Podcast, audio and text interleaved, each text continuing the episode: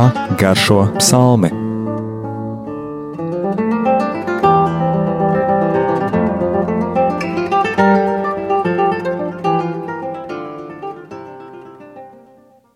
Slavēts Jēzus Kristus. Mūžīgi mūžot slavēts. Šodien atkal lasīsim kādu gudrības psalmu, bet šoreiz tas būs cita autora gudrības psalms. Un tas kādā brīdī šķiet diezgan līdzīgs tam, kuru mēs lasījām iepriekš bet tajā ir dažas nianses, kas tomēr to atšķir no tā, ko mēs lasījām iepriekš, jeb Asafa psalma 78. latviešu tulkojumā. Un it kā ir iedalīts divās daļās. Vienā ir šī slavēšana un prieks par Dieva lielajiem darbiem, Bet otrā šī psalma daļa, ko mēs šodien lasīsim, atkal satur brīdinājumu, kas notiek, ja cilvēks dieva likumu ignorē un atkrīt no viņa ceļiem. Tad šodien mēs lasīsim un pētīsim Ezrahieša etāna gudrības dziesmu, jeb 89. psalmu, kas krievu tulkojumā ir 88. Un šeit jau pašā nosaukumā ir redzams, ka tā ir gudrības dziesma. Asafam ir teikts, ka tā ir pamācība, bet arī šī gudrības dziesma ļauj mācīties. Tā ir tomēr skolas un mācību garša, jo tā mums parāda Dieva uzticību, viņa mīlestību attiecībā uz tautu, arī uz valdnieku, un līdz ar to arī uz katru no mums. Un atkal satur kārtējo brīdinājumu, kas notiek, ja cilvēks ignorē dieva doto kārtību ja viņi neturēs manas svētas manas noteikumus un nepildīs manas baušļus. Jāsaka, ka svētajos rakstos šī atgādinājumi ir tik ļoti daudz, ka labi vecāki no tiem var mācīties pacietību. Cik reizes, tātad neskaitāmas reizes bērnam, kas grib līst kādās lielās nepatikšanās, ir pacietīgi jāatgādina, kas seko sliktai rīcībai un kādas ir sekas. Jo Dievs, kā jau es daudzreiz to esmu teikusi, un zina, zināšana māte ir atkārtošana, Dievs nesoda nevienu.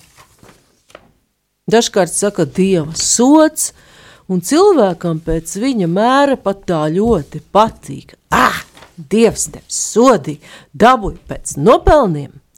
Kaut gan patiesībā, ja mēs apskatām kon konkrētus gadījumus cilvēku dzīvē, arī savā dzīvē, ir tāda vēlēšanās reizēm laizīt savu brūci, ko Dievs man nodarīja tik briesmīgi. Un, ja skatāmies arī veselu tautu dzīves, jā, no vienas puses šķiet Dievs ir netaisnīgs, kāpēc tāda nelaime notiek, kāpēc, ja mēs skatāmies ļoti lielā mērogā, tika pieļauti divi totalitāri režīmi. Un šobrīd daudz vietā jau var runāt par trešo totalitārismu, bet ļoti izsmalcinātā veidā, kas jau cilvēku pakļauj garīgi. Liekas, kāpēc, bet ja sākam to visu pētīt ļoti vērīgi un godīgi, kā atskaites punktus ņemot svētos rakstus un tajos izklāstīt tos dieva likumus, ko viņš arī atkārto pacietīgi neskaitāms reizes, mēs varam redzēt, ka nevis dievs kādu soda, bet ka mēs ciešam savas rīcības sekas, par kurām dievs ir brīdinājis. Tagad jau vairāk pievērsīsimies Ezrahieša etana gudrības dziesmai.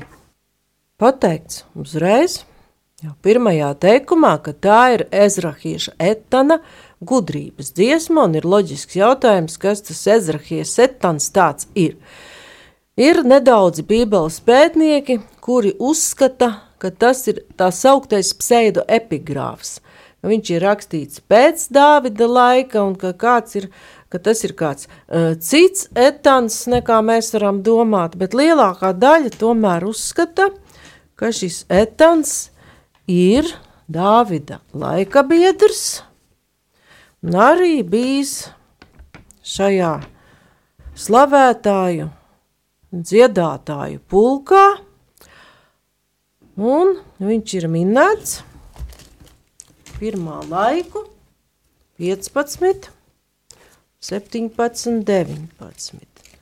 Mēģināsim to atrast. Pirmā laiku 15.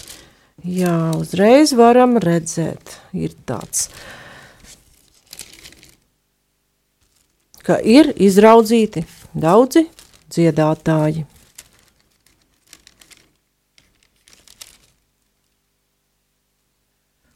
Un starp tiem varam redzēt arī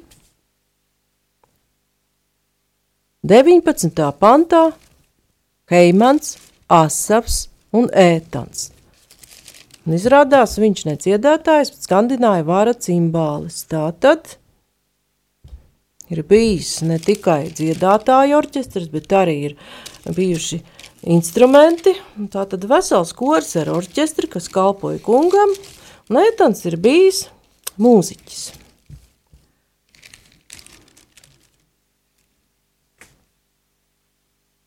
Vēl mēs varam viņu satikt pirmā ķēniņu grāmatā, piektā nodaļā, kurā būs nedaudz ieskats par viņa prāta spējām. Pirmā ķēniņa, piektā nodaļa, 11. pants, kur ir runāts par Sālamana gudrību. Tātad Sālamans jau apdziedāts un slavēts kā valdnieks, un et par etanu pirmā ķēniņa grāmata runā jau tā kā par iepriekš bijušu cilvēku, un ko tad šī grāmata saka? Tur ir slavētā Salamana gudrība, un 11. pants, 1. ķēniņa 5. 5. nodaļā runā, jo viņš bija gudrāks nekā visi pārējie cilvēki. Gudrāks par ētanu ezrahieti, un viņš bija gudrāks par Hemanu, Halkolu un Dardu, Mahulas dēliem. Un viņa slava izplatījās pa visām tautām visapkārt. Tad no šī pieminējumu varam saprast, ka Ētans ir bijis, acīm redzot, ne tikai labs mūziķis un labi spēlējis varu cimbāli, bet bijis arī gudrs cilvēks. Tā. Ko mēs ļoti labi varam redzēt arī viņa dziesmā, kurā, starp citu, mūs aizved arī līdz jaunajai derībai. Vēl varam ievērot izteiksmes veidu, kā Ētans runā par Dievu. Un kas tur ir atšķirīgs no Asafa dziedājuma? Asafs attiecībā pret Dievu ir ļoti godbiģīgs, bet vairāk lieto šo vārdu viņš darīja. Viņš bija varants. Viņš runā par Dievu ar lielu godbiģību, bet tomēr ar tādu kā diezgan lielu distanci. Taču ezrahietis ētans uzreiz vēršas pie dieva tieši. Un to var ievērot šajā psalmā diezgan daudzos pantos.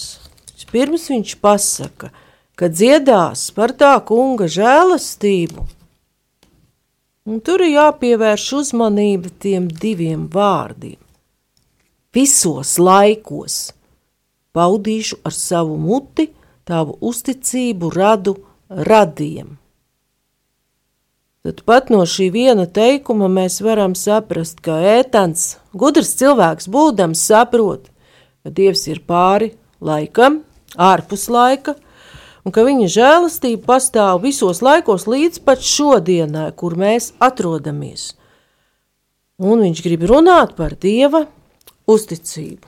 Arī Pāvila vēstule Efeziešiem mēs eh, vēstules sākumā varam dzirdēt, ka mēs slavējam Dievu. Žēlastība jums un miers no Dieva, mūsu Tēva un no Kunga Jēzus Kristus. Augsti slavēts ir Dievs, mūsu Kunga Jēzus Kristus Tēvs, kas mūs svētīs visās garīgajās svētībās, kas mums Kristu ir debesīs Viņš arī izredzēja mūsu Kristu pirms pasaules radīšanas, lai mēs būtu svēti un viņa priekšā nevainojami mīlestībā. Pēc savas gribas, labprātības viņš jau iepriekš lēmis mūs pieņemt par saviem dēliem caur Jēzu Kristu, par slavu savas godības pilnai žēlastībai, ar ko viņš apžēlojies par mums savā mīļotajā. Kristu mums ir izpirkšana caur viņa asinīm, pārkāpumu piedošana pēc dieva bagātīgās žēlastības. Paldies! Kā arī šeit, Anģēlas nolasītajā, mēs redzam, ka apustulis Pāvils pat ļoti līdzīgā veidā dzied par šo dieva žēlastību, bet jau saista to ar iemiesošanos ar Jēzu Kristu. Un pat tas sasaucas ar šī 89. psalma noslēgums - slavēts, lai ir tas kungs mūžīgi. Un 89. psalmā arī ir runa par šo dieva uzticību. Un kaut ir runāts par ķēniņu Dāvidu, mēs jau varam celties pāri uz jauno derību. Jo no trešā panta Ezrahieta sētans uzreiz uzrunā kungu tieši. Jo tu, kungs, esi solījis uz mūžīgiem pamatiem, lai būtu celta mana žēlastības derība, un kā debesīm nesatricināmi pamati tavai uzticībai. Ka šeit jau arī ir runa par kaut ko mūžīgu. Arī Pāvila vēstule Titam varam lasīt. Pāvils dieva kalps un Jēzus Kristus apostolis dieva izredzētu ticībai un patiesības atzīšanai dievbijībā, cerībā uz mūžīgo dzīvību, ko uzticamais dievs apsolīja pirms mūžīgiem laikiem, bet pienākot īstajam laikam atklāja savā vārda vēstī, ko man uzticēts pasludināt pēc mūsu glābēja dieva pavēles. Paldies! Tātad atkal ir šis pārlaicīgais moments, un reizēm mūs var šokēt apstuļu pāvilu tie sarežģītie, piņķerīgie teikumi, kuros nenoliedzami ir šī ļoti stiprā saikne ar veco derību, un viņš saista to visu kopā, jo no pāvila tekstiem mēs ļoti labi varam atkal uh, kāpties atpakaļ uz šo psalmu, jāceras, ka Pāvils ir farizējs, mācījies pie slavena skolotāja un rakstu mācītāja Gamaliela. Viņa iepriekšējais vārds pirms atgriešanās bija Sauls, un viņš bija ļoti izglītots cilvēks un lieliski pārzināja veco derību, un tāpēc viņš savos tekstos tās abas ļoti viegli saista kopā un palīdz mums ieraudzīt šo kopskatu – kā redzējām, ka Etans arī šeit runā par mūžīgiem pamatiem, bet no 4. panta viņš ieiet tajā vēsturē, kā šī mūžīgā derība ir aizsākusies, un kaut gan tur ir akcents vairāk uz derību ar Dāvidu, bet tas mums ļauj saprast, ka Dievs ir vēlējies slēgt derību ar cilvēku jau ļoti, ļoti sen, un īsti nav pat pēc grēkā krišanas uh, pametis cilvēku savā vaļā, jo, ja atceramies, kādreiz par to ir runāts, ka jau radīšanas grāmatā varam at, a, atpazīt tā saukto proto-evaņģēliju, ka čūskai galva tiks samīta. Un šeit, 4. pantā, Ētans atkal runā par Dievu, pat uzrunājot atkal viņu uz stu, tu esi arī sacījis. Es esmu slēdzis derību ar savu izraudzīto, esmu zvērējis savam kalpam Dāvidam, ķēniņam, šodien laicīgi valsti. Bet tālāk, kas ir no 5. panta, ko mēs redzējām arī apstuļa Pāvila tekstos, es nostiprināšu tavu dzimumu uz mūžiem un celšu savu troni uz radu radiem. Tad atkal ir pāreja no Dāvida un viņa dinastijas, kuri valdīja, pārvaldīja laicīgu valsti, kuru Dievs viņiem bija uzticējis uz pārlaicīgo. Un ko mēs tur redzam? Ka tā ir žēlastības derība. Jau trešā pantā mēs to redzējām, tad žēlastības derība – Ceturtais pants parāda derību ar izraudzīto. Un piektais pasaka, ka nostiprināt šo dzimumu, šos pēcnācējus. Šī derība nebeigsies, ka tā turpināsies. Un sestā pantā mēs redzam, ka debesis teica, tavus brīnumus, ak, kungs, un tavu uzticību svēto draudzē. Tātad ar šo izteikumu mēs jau redzam visu tās derības mērķi mūžīgajā laikā, kur faktiski laiks nepastāv, par ko runā Pāvils. Un arī Mateja evanģēlijā 12. nodaļā mēs varam lasīt, Jēzus to zinādams aizgāja no turienes. Viņam sekoja liels ļaužu pūlis, un viņš tos visus ciedināja un piekodināja, lai tie neatklājas, kas viņš ir, kā piepildītos, ko kungs ar pravieti iesēju ir sacījis. Redzi, mans kalps, ko es esmu izredzējis, mans mīļotais, uz ko man labs prāts, es likšu uz viņu savu garu un viņš pasludinās pagāniem tiesu.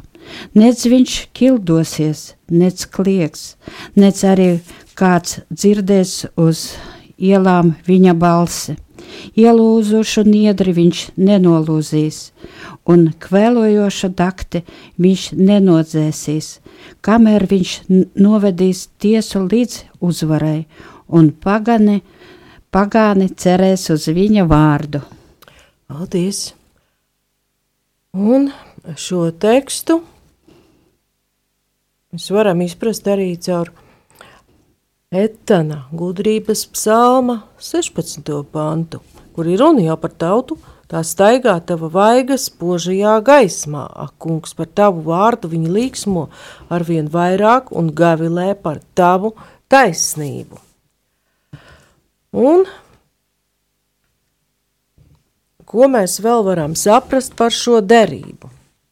Jo Anģels nolasītais evaņģēlīja teksts jau ieved jaunās derības laikā, bet par ko tad runā ētans? Vispirms, ja mēs skatāmies šīs derības, redzam vienu derību, ar kuru jau aizsākas šī senvēsture, kur radīšanas grāmatā jau dieva, pēc dieva iniciatīvas tiek slēgta derība ar Ābrahāmu. Radīšanas 15, 18.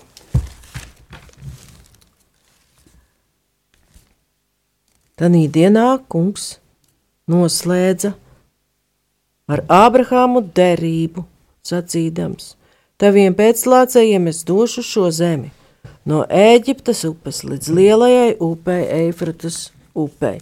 Tātad Ābrahāms noslēdz derību.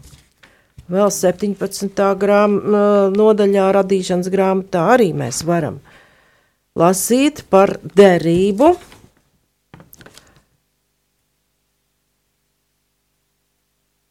Mana derība ar tevi ir šī, tu būsi par tēvu daudzām tautām. Septītais pants un es uzcelšu savu derību starp sevi un starp tevi un taviem pēcnācējiem pēc tevis uz cilšu ciltīm par mūžīgu derību un būšu par Dievu tev un taviem pēcnācējiem. Un atkal mūžīgā derība mums ļauj saistīt tekstu ar Jēzu Kristu, kurā tiek noslēgta šī mūžīgā derība. Un tagad mēs varētu arī izlasīt Pāvila vēstuli romiešiem, pat šodien dienas laikiem, bet tagad neatkarīgi no bauslības ir atklājusies Dieva taisnība, par ko liecina bauslība un pravieši, ka Dieva taisnība ticībā uz Jēzu Kristu ir visiem, kas tic, Tur nav nekādas atšķirības, jo visi ir grēkojuši un visiem trūks dievišķās godības. Dieva žēlastībā visi tiek attaisnoti bez nopelna, jo viņš tos atpircis Kristo Jēzu. Viņā, ko Dievs licis par izliegumu viņa asinīs, ko saņemam ticībā, lai Dievs parādītu savu taisnību un Dievs piedod grēkus, kas darīti iepriekš dievišķās pacietības laikā, lai parādītu savu taisnību tagadējos laikos, kā viņš pats ir taisns un attaisno to, kas tic Jēzum. Paldies! Tad šeit mēs atkal pārceļamies jau uz jaunās derības laiku, kad visi šie noteikumi kuri uzrāda grēku, nevis, nevar teikt, tiek atcelti, bet Kristus viņus piepilda. Un nedaudz atkal turpināsim par Dāvidu, jo ja pie Ābrahāma mēs neredzam tiešu saikni ar jauno derību un ar Kristu, tur tas viens teikums ir nu, mūžīga derība. Pie Dāvida mēs jau to redzam vairāk, jo otrā Samuēļa grāmatā, 7. nodaļā, mēs varam par to lasīt. 107. no 12. panta.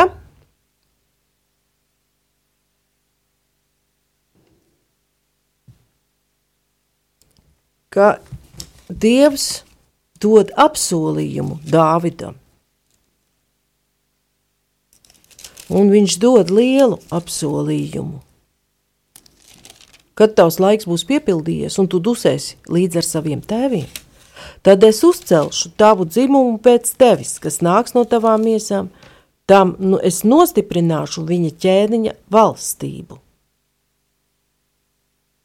Un tas uzcels namu manam vārdam, un es nostiprināšu viņa ķēniņa valstību, valstības troni uz mūžīgiem laikiem. Atkal ir runa par mūžīgiem laikiem. Un šeit šo namu manam vārdam atkal var saprast divējādi, jo miesīgs ķēniņš mūžīgu lai, valstību uzcelt nevar. Nekas tur nesanāks, dažādi valdnieki sapņoja līdz pat trešajam reiham un tūkstošgadu valstību, nekas nesanāca. Tātad šis teksts ļauj skatīties jau uz jauno derību, un vispirms mēs saprotam šeit namu manam vārdam Jeruzalemes templi, kur tomēr uh, Tita karaspēks sagrāva, un vēl uzcelt namu manam vārdam. To var saprast paša dieva vārdu, kad vārds top miesa un Jāņa evaņģēlī prologā mēs, ja precīzi tulkojam no grieķu valodas, varam lasīt, ka vārds izplēta telti mūsu vidū. Tātad Kristus ir šis Dieva nams, kurš atrodas mūsu vidū un tālāk līdz mūsu laikiem turpinās baznīcā, kuru apustuls Pāvils apzīmē kā Kristus mistisko miesu var gribētu papildināt no Pāvila otrās vēstules korintiešiem pauslību. Tādēļ tas, kas ir Kristu, ir jauns radījums. Viss vecais ir pagājis, un redzi, viss tapis jauns. Viss ir no Dieva, kas mūs ar sevi caur Kristu ir samierinājis un ir uzdevis mums šai izliekšanai kalpot. Tādējādi Dievs Kristu pasauli samierina ar sevi un nepieskaita cilvēkiem viņu pārkāpumus, un mūsos viņš ir ielicis izlīguma vēsti. Kristus dēļ mēs esam sūtņi, it kā Dievs sauktu caur mums. Kristus dēļ mēs lūdzam, saņemiet šo izlīgumu ar Dievu. Viņu, kas grēku nepazina, viņš mūsu dēļ padarīja par grēku, lai mēs viņā taptu par Dieva taisnību. Paldies! Un šis teksts ļoti labi jau ļauj saprast 89. psalma 6.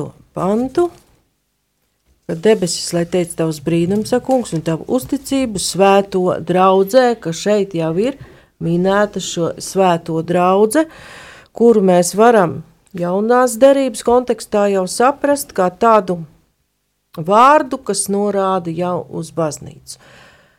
Un tālāk, kad ir ētans apdziedājis šo derību, tieši kā žēlastības un uzticības derību, viņš atkal pievērš mūsu uzmanību tādiem ļoti zīmīgiem un ievērojamiem dieva darbiem no vecās derības,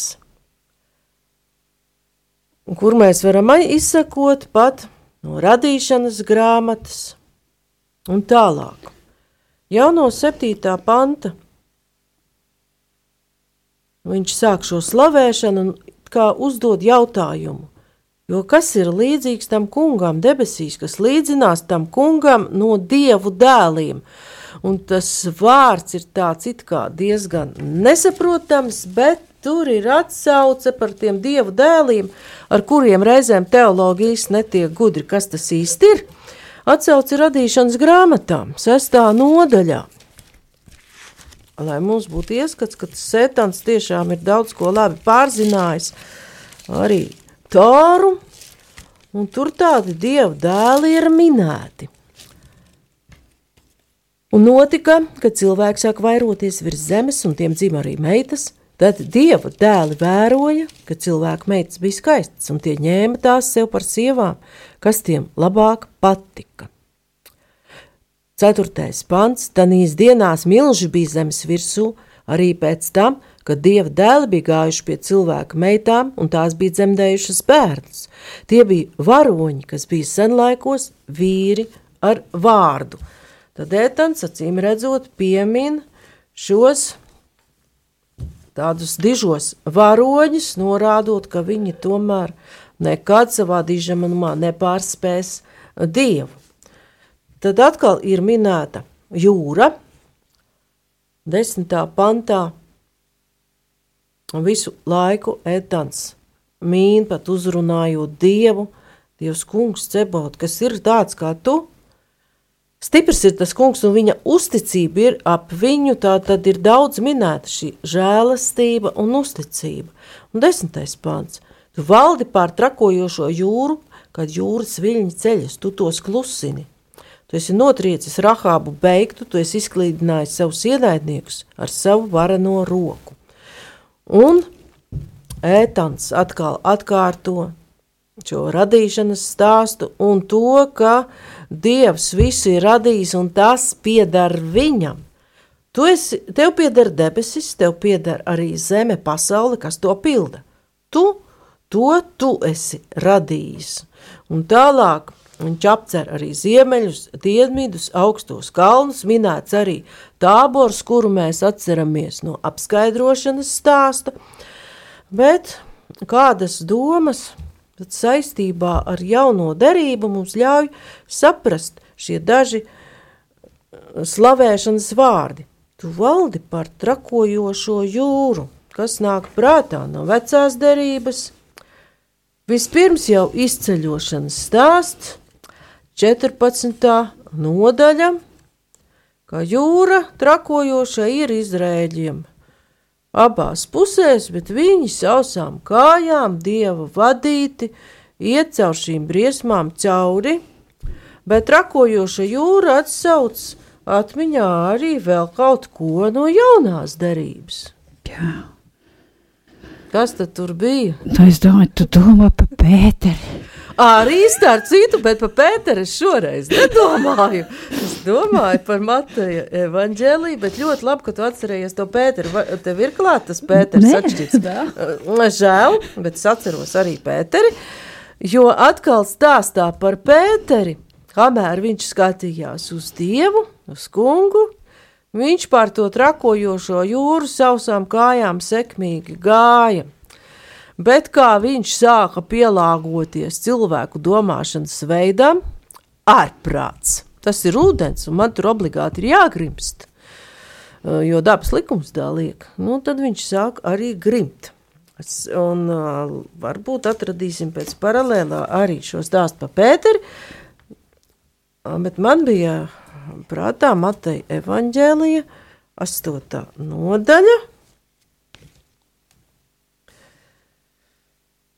No 23. panta viņš iekāpa laivā, viņa mācekļi tam sekoja, un redzi, liela vētra sacēlās jūrā, tā ka viļņi laivai gāzās pāri, bet viņš gulēja.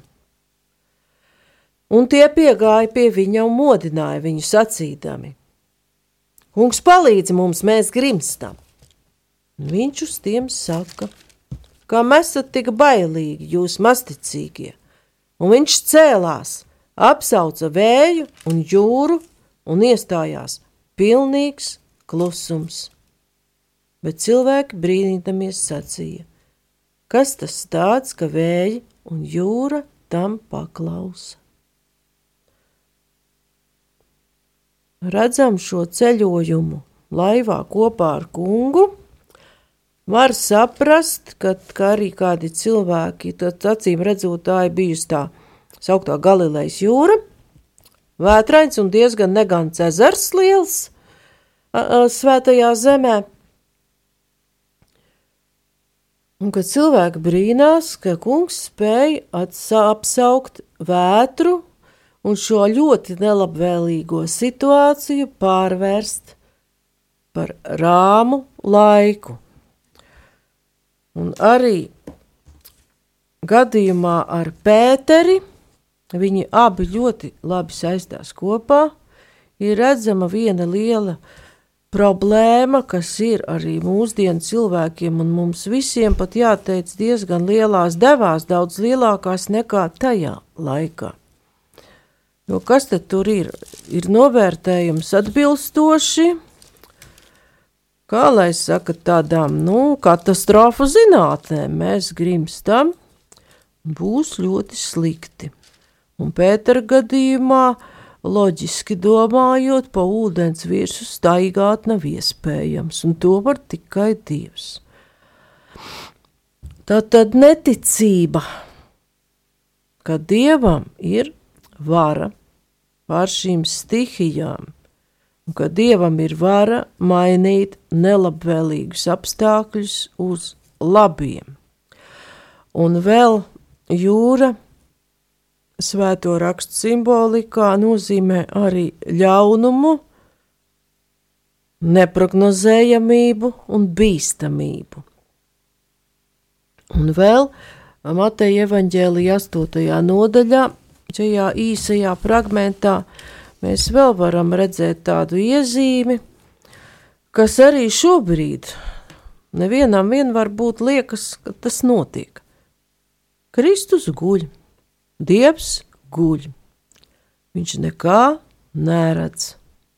Arī šobrīd ļoti daudziem varētu likties, ka pasauli ir pārpludinājis šis slimības vilnis, ļaunuma vilnis, un Dievs guļ. Viņš neredz, ka slimnīcas pilnas, ka cilvēki ir pārbaidīti, bet mūsu visu gadījumā šīs attīstītās tehnokrātiskās civilizācijas gadījumā ir jājautā, un ar šo jautājumu arī šajā gadā mēs beigsim šo raidījumu, jo psalma tālāko tekstu mēs lasīsim jau pēc jaunā gada. Vai mēs attapsimies tāpat kā tie mācekļi laivā un Pēteris saukt uz kungu, Jo 25. pantā Mateja evaņģēlija 8. nodaļā mēs lasām. Un tie piegāja pie viņa un modināja viņu sacīdami, kungs, palīdzi mums, mēs grimstam. Un tad Jēzus kaut arī pasaka tādu īsu aizrādījumu, kā mēs esam tik bailīgi jūs masticīgie. Tā kā te ir pieminētas arī bailes, un Jēzus situāciju tā neatstāja, un viņš cēlās, apsauca vēju un jūru, un iestājās pilnīgs klusums. Jā, un tad, tad skaistus vārdus no vēstules ebrejiem 12. Ne, 11. nodaļas. Un šie visi, kuru ticību Dievs ir apliecinājis, neseņēma apsolīto, jo Dievs mums kaut ko labāko bija iepriekš nolūkojis. Paldies! Tātad šis teksts jau iet tālāk par to, ko mēs varētu it kā no Dieva gaidīt vai prognozēt, un dod arī atbildi uz jautājumu, kāpēc reizēm ir.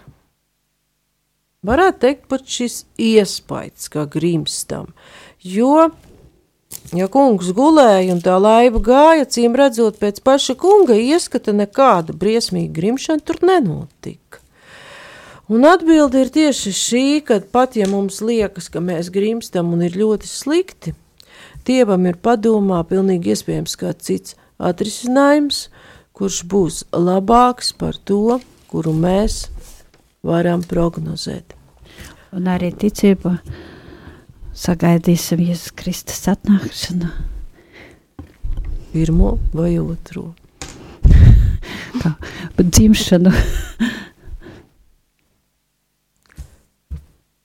Tad sagaidīsim šo dzimšanu, par kuru arī mēs varētu runāt ļoti daudz un plaši gan to dzimšanu, kas toreiz notika vēsturiski, gan arī to Kristus piedzimšanu, un katra dzīvē viņš var piedzimst pat neskaitāmas reizes, un piedzimt tieši tad, kad liekas, ka mēs grimstam. Jo caur šo saucienu, kungs, mēs grimstam, viņš piedzimst šo mācekļu sirdīs.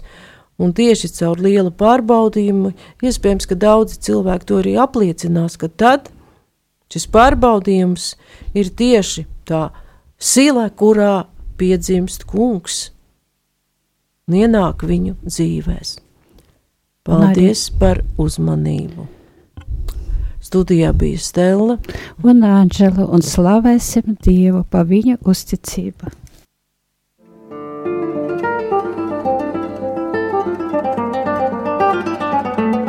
kā garšo psalmi.